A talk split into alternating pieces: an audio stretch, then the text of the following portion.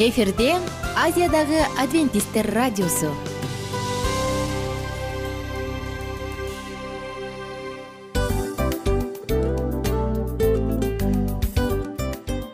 Достор салют. Баардык сүйүктүү угармандарыбызга салам айтабыз. Кутман күнүңүздөр менен. Ден соолук өмүрдүн булагы демекчи саламат саамы программасында баарыңыздарды көргөнүбүзгө абдан кубанычтабыз. Анда алгач амандашып өтөлү арбаңыздар деп. Ден соолугуңуздар кандай элибизде көбүнчө ден соолук кандай дегенде эле жакшы деп жооп беребиз э? ооруп турсак дагы жакшы дейбиз. Анан мен муну айтып ойлойт элем бул абдан сонун сөз депчи анткени бул жакшы деген үмүт да ооба баары жакшы болот. Баары сонун. Деп үмүттөнүп атып эле өзүбүздү өзүбүз дарылап коебуз. Анысы кандай? Сиздин дагы ден соолугуңуз жакшы беш деген үмүттөбүз чындыгында ден соолук бул өмүрдүн булагы деп бекеринен айтылган эмес деп ойлойм. Кыргыз элинде анткени эгерде ден соолук жок болсо анда адамдын жашоосунда калган баардык керектүү маңыздуу нерселер өзүнүн баалуулугун жоготуп коет. Ошондуктан ден соолук бул эң керектүү нерсе. Ооба туура айтасың кесиптешим. Чынында ден соолугуң жок бир эки үч күн ооруп калсаң эле э кандай болуп калат? Жашоодо көз каранды болуп каласың көп нерсеге жетишпей каласың көп нерсени кыла албай каласың жада калса эшикке дүкөнгө да чыга албай каласың. Туптуура анан ден соолук болсо демек биз биздин бактыбыз тотой деп койсок болот. Анда достор саламат саамы рубрикабызды баштайлы. Алдыда өзүңүзгө керектүү болгон сонун кеңештерди уга аласыздар. Мына ошондуктан биз менен бирге болуңуздар. Ал эми биз болсо милан жана айнура. Кеттик алга. Алга саламат саама ден соолуктун жарчысы. Саламат саама ден соолуктун ачкычы. Күн сайын сиз үчүн мыкты кеңештер сонун жаңылыктар кызыктуу фактылар. Биздин рубрикада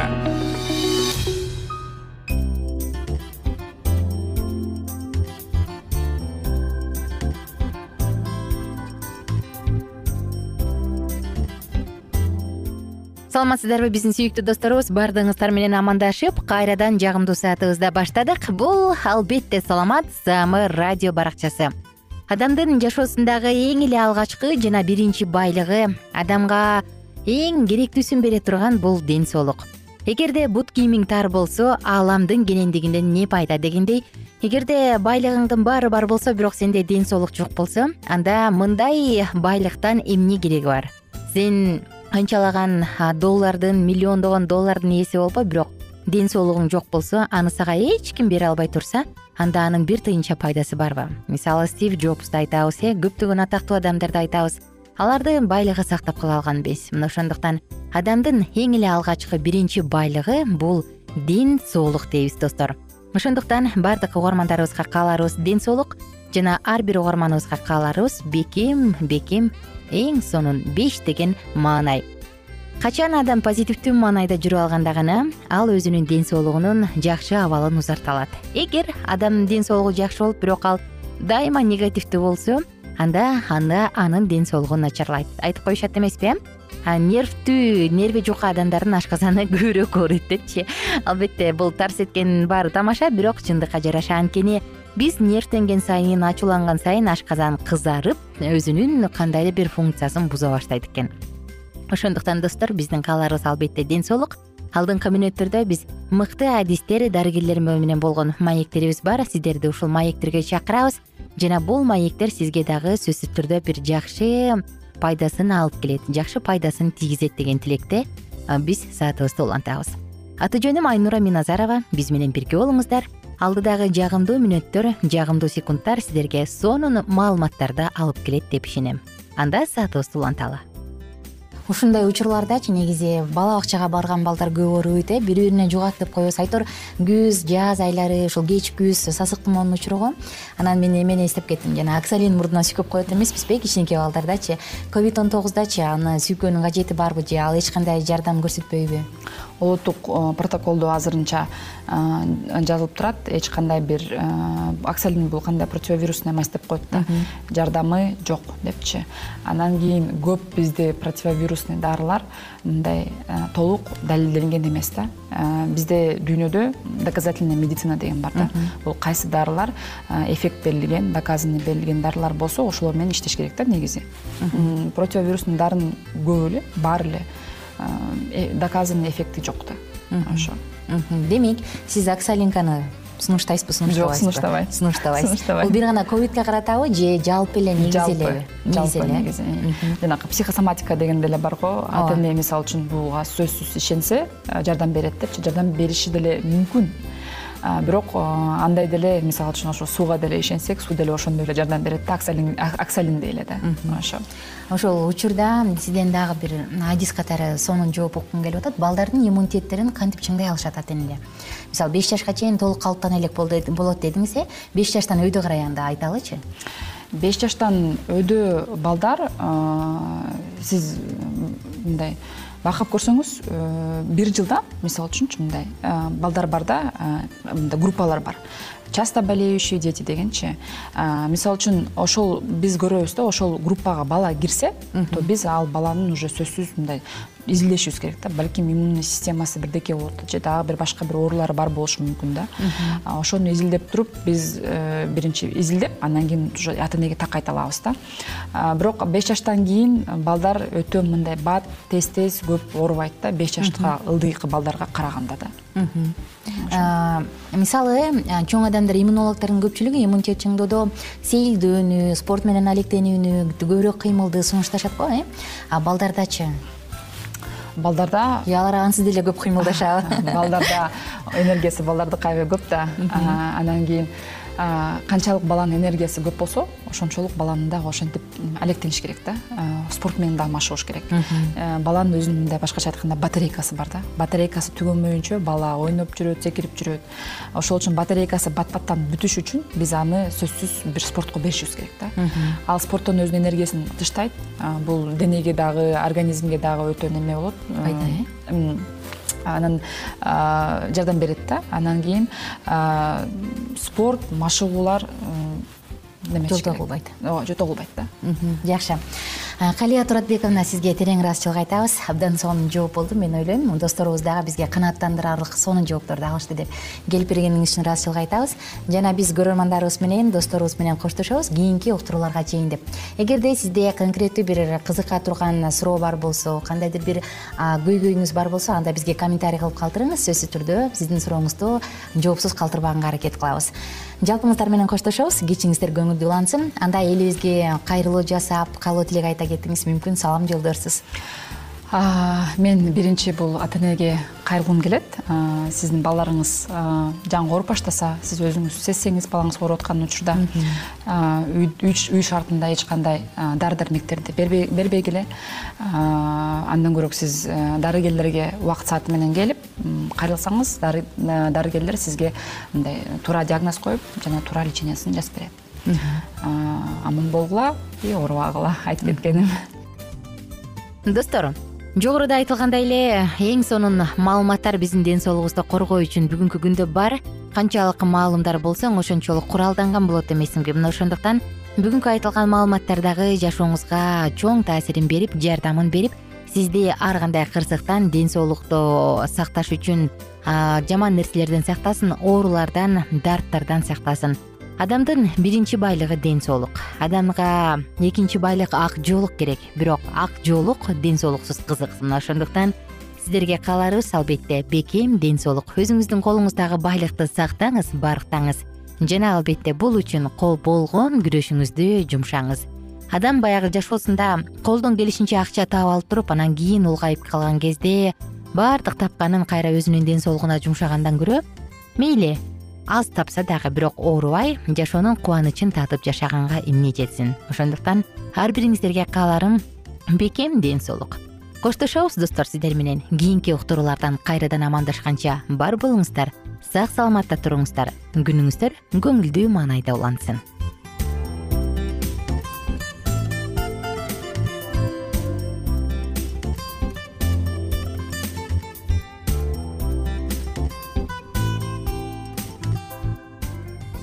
кененирээк маалыматтар үчүн үч w чекит саламат чекит клуб сайтына келип таанышыңыздар. Жана андан тышкары социалдык тармактарда youtube facebook жана instagram баракчаларына катталыңыз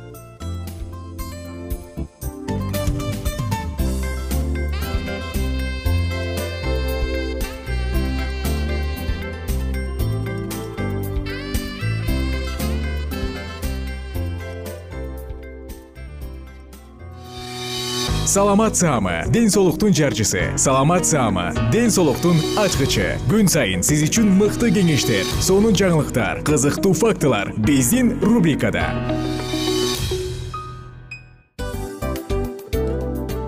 Салам достор. Кайрадан биздин сүйүктүү рубрикабызга кош келиңиздер деп айтмакчыбыз.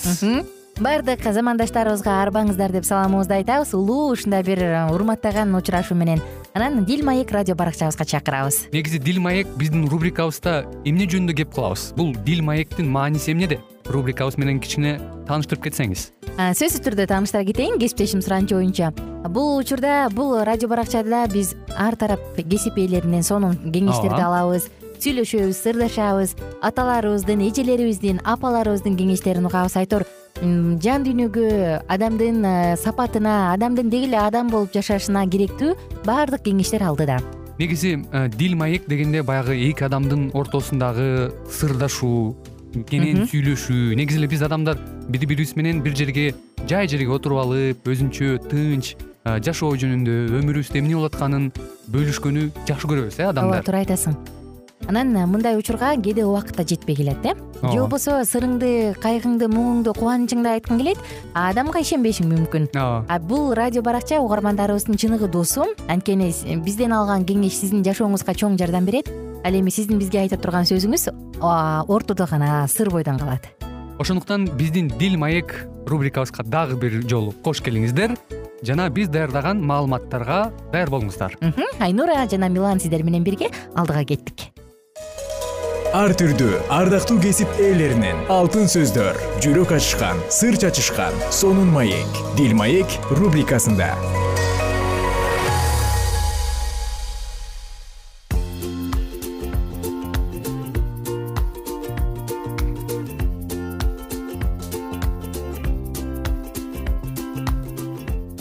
кутман куш абак күнүңүздөр менен сүйүктүү достор баарыңыздар менен кайрадан амандашып жагымдуу саатыбызды баштадык. Дил маек радио баракчасында руханий мурас жашыя деп аталган циклды бүгүн андан ары улантабыз. Рубейн уулдарынын батыш тараптагы чеги иордан дарыясынан бүтөт. Ушул жердеги шаарлар менен айылдар рубейн уруктарынын үлүшү болуп калды. Муса гат уруусуна да уруктары боюнча жер берген. Алардын чегине жазер шаары ошондой эле гилаттын баардык шаарлары рабба шаарынын жанындагы ароер шаарына чейинки аммон элинин жеринин жарымы кирди. Ошондой эле түштүктөгү кешпон шаарынан тартып түндүктөгү рамат миспе шаары менен бетоним шаарына чейин маханаим калаасынан дебирдин чегине чейинки жерлер берилген. Гат уруусунун жерине дагы өрөөндөгү бейт арам бейт нимра сукот анан дагы сапон шаарлары кесшпон падышасы сихондун калган падышалыгы кирген алардын батыш чек арасы иордандан тартып түндүктөгү кинерет көлүнө чейин созулуп жатат. Бул шаарлар менен айылдар гат урпактарынын уруктары боюнча энчисине тийген.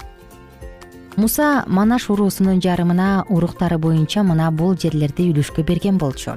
Алардын чеги маханайымга чейин созулуп ага бүт башан жери ошондой эле ал жердин падышасы октун бүт падышалыгы жайыр басып алган башандагы шаарлар толугу менен баардыгы болуп алтымыш шаар кирген. Гилаттын жарымы башандын падышасы октун падышалыгындагы аштарот менен эдрей шаарлары манаштын уулу махирден тараган уруктардын жарымына берилди. Ошентип муса иордандын чыгышында маап даласында ерихондун маңдайында үлүшкө бөлүп берген жерлер ушулар. Бирок леби уруусуна муса үлүш берген эмес себеби ысрайылдын кудайы жараткан эге аларга мен өзүм силердин энчиңер болом деп айткан эле иордандын батыш тарабындагы канаан жерлеринде дин кызматчылары элазар менен нундун уулу жашия башында турган ысрайыл элинин уруу башчылары ысрайыл элине энчиге бөлүп берди. Жараткан эге муса аркылуу буйрук кылгандай тогуз урууга жана бир уруунун жарымына энчилери өкчөмү таш ташталып бөлүштүрүлдү. Эки урууга жана бир уруунун жарымына болсо муса иордандын аркы чыгыш өйүзүнөн энчи берген болчу жусуптун эки уулунан манаш жана эпрайым уруулары келип чыккан. Лебилерге болсо алардын арасынан энчи берилген жок. Аларга болгону жашаганга шаарларды төрт түлүк малы үчүн анын тегерегиндеги жайыттарды берди. Ошентип жараткан эге мусага буйругандай кылып ысрайыл эли жерди бөлүп алды. Бир күнү жөөт уулдары гилгал кошунушундагы жашияга келишти. Кеназдык жапындын уулу калеп жашияга кадыш барнеиде жараткан эгебиз кудайдын кишиси мусага сен экөөбүз жөнүндө эмне деп айтканын билесиң деди. Жараткан эгенин кулу муса мени жер чалып келүүгө кадеш барнеиден жөнөткөндө кырк жашта элем. Кайтып келгенимде көргөндөрүмдү болгонун болгондой элге айтып бергем. Бирок мени менен чалгынга барып келген бурадарларымдын сөздөрү элдин жүрөгүнүн үшүн алып койгон. Мен болсо кудайым жараткан эгенин жолунан бир да четтегеним жок. Ошол күнү муса сен кудайың жараткан эгенин жолунан чыкпаганың үчүн бутуң баскан жердин баары түбөлүккө сенин жана урпактарыңдын энчиси болот деп ант берген. Мына өзүң көрүп тургандай жараткан эген мусага ушундай деп айтканына кырк беш жыл болду. Ал убакта ысрайыл чөөл кезип жүргөн эле жараткан эгем өзү убада кылгандай ошондон бери жанымды сактап келе жатат. Мына азыр сексен беш жаштамын. Бирок мен бүгүн деле муса жөнөткөн убактагыдай эле бакубатмын. Ошол убакта кандай алдуу күчтүү болсом азыр да согушууга жана башка иштерге да кароом жетет. Ошондуктан ошол күнү жараткан эге айткан тиги тоолуу жерди мага бер. Ал жерде анактын урпактары жашаарын алардын шаарлары чоң чептүү экенин ошол күнү сен да уккансың. Балким жараткан эгем мени колдоп өзү убада кылгандай аларды кубалап чыгармын. Ошондо жашия жапындын уулу калепке батасын берип ага хебронду энчиге берди.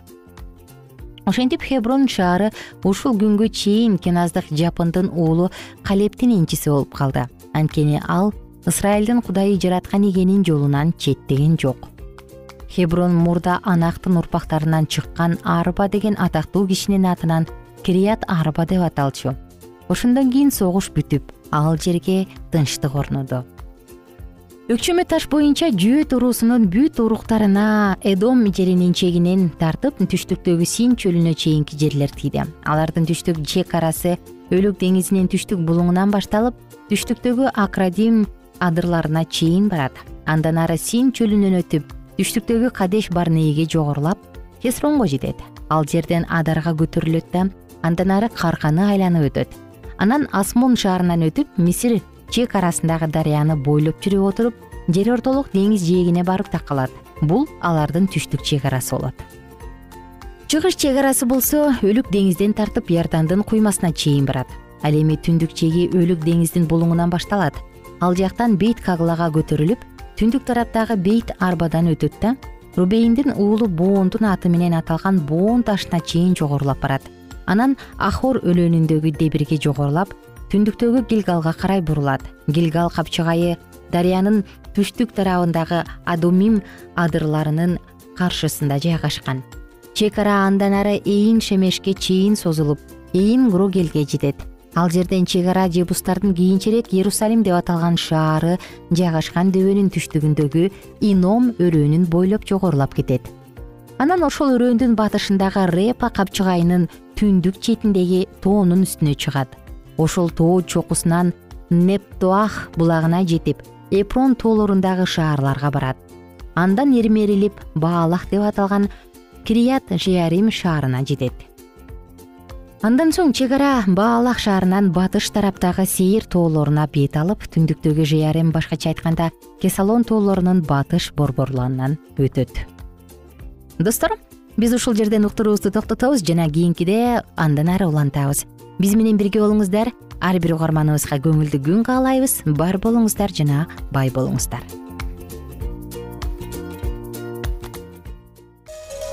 Ар түрдүү ардактуу кесип ээлеринен алтын сөздөр жүрөк ачышкан сыр чачышкан сонун маек дил маек рубрикасында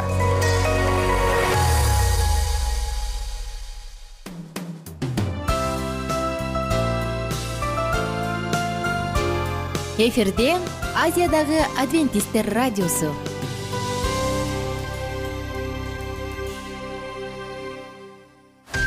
Жан дүйнөңдү байыткан жүрөгүңдү азыктанткан жашооңо маңыз тартуулаган жан азык рубрикасы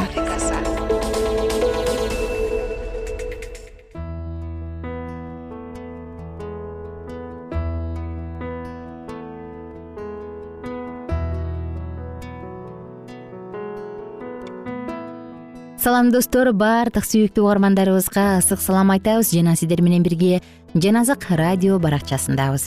Бул учурда ушул рубрикада биз акыркы уктурууларда аян китебиндеги пайгамбарчылыктар тууралуу сөз кылып атканбыз. Жана албетте кезектеги чыгарылышыбыз америка кошмо штаттары тууралуу пайгамбарчылык болчу. Бир аз мурунку уктурууларды эске салсак биз сиздер менен бирге мурунку учурда шайтан машаякчылык менен римдиктерди бутпарастыкты кантип бириктиргенин тагыраак айтканда жекшемби күндү колдонгонун сөз кылганбыз. Эми бүгүнкү уктуруубузда болсо андан ары уланталы. Жыйырма төртүнчү бөлүм аян китебиндеги америка кошмо штаттары тууралуу айтылган пайгамбарчылыктар. Кайра төрөлүү болуш үчүн бизге мыйзам чыгаруучуларга кайрылып нравалык принциптерди бекитүүсүн өтүнүүнүн кереги жок кудайдан болгон кайра төрөлүү мына кандай болот? Экинчи жылнаама китеби жетинчи бап он төртүнчү аятты карасак. Менин ысымым менен аталган менин элим моюн сунса сыйынса менин жүзүмдү издесе жана жаман жолдорунан кайтса анда мен алардын үнүн асмандан угуп күнөөлөрүн кечирип жерин дарттан айыктырам кудай бизди кайрадан төрөлүүгө чакырат. Ал эгер менин элим моюн сунуп сыйынып тобо кылса жана менин жүзүмдү издесе анда мен кайра төрөлүү жиберем дейт. Жана бул учур келет. Тизелеп жүзүбүздү ылдый кылып ар кандай күнөөлөрдөн ойноштук эгоизм ичи таардыктан жана материализм үчүн кудайдан кечирим сураганда кайра төрөлүү сиздин жүрөгүңүздө менин жүрөгүмдө болот кудайдан болгон төрөлүү мыйзам чегинде ишке ашпайт. А бул жүрөктө болот экенине кошуласызбы? Кудайдан жогорудан төрөлүү мыйзамдардын натыйжасында эмес а биздин жүрөгүбүздө боло турган иш. Ушундай төрөлүү болгондон кийин мамлекет мыйзамдуу түрдө аптанын биринчи күнүнүн ыйыктыгын сактагыла деп мыйзам кабыл алуусунун кажети жок болот. Төрөлүү жүрөктө болуп ырайым менен куткарылганыбызда ыйса мени сүйсөңөр менин осуяттарымды аткаргыла деп айтат. Жогорудан төрөлүүнүн эки түрү бар. Бири жалган экинчиси чын. Экономикалык кризис жана кыйынчылык учурунда болгон көпчүлүктүн төрөлүүсү тагыраак айтканда жалган төрөлүү бул жышаан жана кереметтерге негизделет. Жалган төрөлүү машаякчылар өлкөсүн орнотуш үчүн мыйзам чыгаруучуларга басым көрсөткөн тоталитаризмге алып келген машаякчылардын көп бөлүгүн тартат. Ал эми бизди чакырган төрөлүү бул кудайдын ырайымынын алдында төрөлүү ал биздин күнөөлөрүбүздү кечирет. Анын ырайымы мага күч берет. Анын ырайымы мени тил алчаактыкка жетелейт. Бул кудайдын мыйзамынын төрөлүүсү кудайдын мыйзамына жана андагы баардык нерсеге кайтуу мунун ичине алтынчы күн дагы кирет орто кылымдарда батышта жыйын догмага баш ийүүдөн баш тарткандарды өлтүрүш үчүн мамлекеттик бийликти колдонгон кезде бир ишенимдүү машаякчы ишеними үчүн катуу өлүм жазасын алганга даярдана баштайт. Ал убакта ал абакта отурганда ага башка жаш машаякчы келет. Алар денеси отто күйүп жатканда физиологиялык оору катуу кыйнаган кезде ага машаякчынын үмүтү жардам береби ишеними жеңилип калбайбы деп сүйлөшүшөт ага барган машаякчы баардыгын кандайча өтөрүн билгиси келген. Анткени аз убакыттан кийин ага да кезек келерин түшүнгөн. Кыйноого дуушар болгон бир тууганынан кандайдыр бир белги алгысы келген. Ыйса машаяк кыйноо учурунда жанында болорун. Аны колдоп жардам берерин билгиси келген. Кезеги келгенде ал үчүн бул нерсе эң сонун колдоо болмок. Эгерде өлүм жазасына бараткан машаякчыны оор учурда ишеним менен үмүт таштап кете турган болсо биркиге кандайдыр бир белги бермөө болот. Өлүм жазасына тартчу күн келет. Кыйкырган элдин алдына машаякчыны алып чыгышып столбага байлап алдына отургандарды отундарды үйүп коюшат. Талпанын арасында баардыгын коркунуч жана кыйналуу менен карап турган берки адам да болот. Отту күйгүзүшөт. Жалын кыйналган адамдын денесине жетет. Бери жакта карап турган машаякчы кандайдыр бир белгини кое берип койбоюн деп өлүп бара жаткан адамдын агониясын коркунуч менен карап турат. Мына от жумушун бүтүрүп өмүр үзүлдү. Так ошондо баардыгы асманга эки кол учканын көрүп калышты. Мына мына көңүл калуунун алдында турган машаякчы бул үмүттүн белгисин көрөр замат кубанып кайратка толуп кубанганынан ыйлап да жиберди. Аян китеби ушундай учурлар жөнүндө жазат аян он төрт он эки бул жерде кудайдын осуяттарын аткарган жана ыйсага болгон ишенимди сактаган ыйыктардын чыдамкайлыгы талап кылынат. Эң оор кыйноолордун кучагында болгон кезде да машаякчынын үмүтүн карманыш керек. Ыйса машаяк бизди анын балдарынын бири болууга чакырат. Аны менен чогуу кубанычта үмүттөнүп жана кайраттуулук менен жашоого чакырат. Ал бизди кудайдын мыйзамдарын аткаргандардын жана ыйсага ишенүүчүлөрдүн катарына турууга чакырат ал кудай үчүн жашоого чакырат. Сиз муну кыла аласызбы? Баардык убакта ыйсанын артынан ээрчиген ишенимдүүлөрдүн катарына турасызбы? Ыйса машаяктын жанына турасызбы? Ал сиздин жаныңызга турууга даяр. Эгер сиз ыйса машаяктын жанында турууга даяр болсоңуз келгиле анда чогуу сыйыналы. Ардактуу угарман мына бүгүн бүгүн ушул уктурууда сиздер менен чогуу аян китебинде айтылган пайгамбарчылыктар тууралуу соңку уктуруубузду аяктадык. Адамдын жашоосу чындыгында кызык э биз качан үзүлөрүн билбейбиз. Пайгамбарчылык жалпы дүйнө үчүн аткарылып жатат бирок ыйса ар бирибиз үчүн өлгөндүгүн ар бирибиз азыр эстешибиз керек. Анткени ар бирибиз үчүн акыркы күн акыркы мүнөттөр каалаган баардык биз күтпөгөн учурда келиши мүмкүн. Ошондуктан ушул мурунку уктурууларда айтылгандай эле кудай сизди сүйөт экенин унутпаңыз ыйса менен чогуу бир катарды көздөй туруңуз. Ошондо гана жаныңыз өзүңүз жашооңуз түбөлүктүүлүктө өмүрдө түбөлүк өмүргө ээ болот. Достор уктуруубуздун соңку мүнөттөрүндөбүз кийинкилерде биз жаңы циклды баштайбыз ага чейин сак саламатта туруңуздар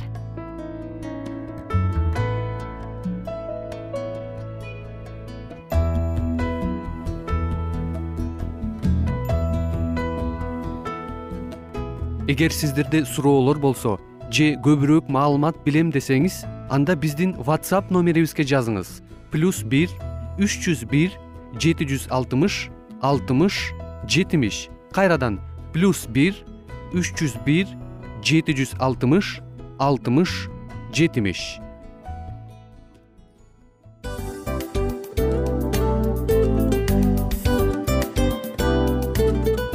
достор биздин радио баракчаларыбыз соңуна келди. Демек бул программабызды дагы жыйынтыктачу учур келдик. Учурга келдик. Анан кесиптешимден сурагым келип турат. Негизи эле иштин башталып атканы кубандырабы сени же жыйынтыгы кубандырабы? Албетте жыйынтыгы. Себеп дегенде сен кылган ишиңдин жыйынтыгын көрүп э, баягы мөмөсүн көрүп дегендей жыргайсың. Жүрөгүң жемишинен кубанычка тартып э? Кандай даамдуу деп. Баягы буудай сепкенде эмес буудай эгинди жыйнагандан кийин ысык нанды жегенде кадимкидей ырахаттанасың го? Ой айтпа туура айта кеттиң сонун салыштыруу болду анан мен дагы абдан кубанып турам анткени биз угармандарыбыз үчүн аябай эмгектенип келген уктуруубуздун соңуна келип калдык. Анан эми уктуруу уктуруубуздун соңунда угармандар кандай пайда алып калды экен деп күтүп турам да. Балким э, менин жашоомо өзгөрүү киргизе турган сонун сөздөр болду. Мен ушул нерсени изилдеп анан кабыл албасам ушул нерсени кылбасам деген чечим чыгарсаңыз анда биз абдан кубанычтабыз. Сөзсүз түрдө андыктан кийинки биздин кызыктуу уктурууларыбыздан көрүшкөнчө сак саламатта калыңыздар. Чыдамсыздык менен сиздерди мен милан жана кесиптешим айнура күтөбүз. Баардык угармандарыбызга ийгиликтүү күн каалайбыз. Качан гана болбосун уртуңуздан жылмаюу кетпесин үйүңүздө көмүр жүрөгүңүздө көңүл болсун дейли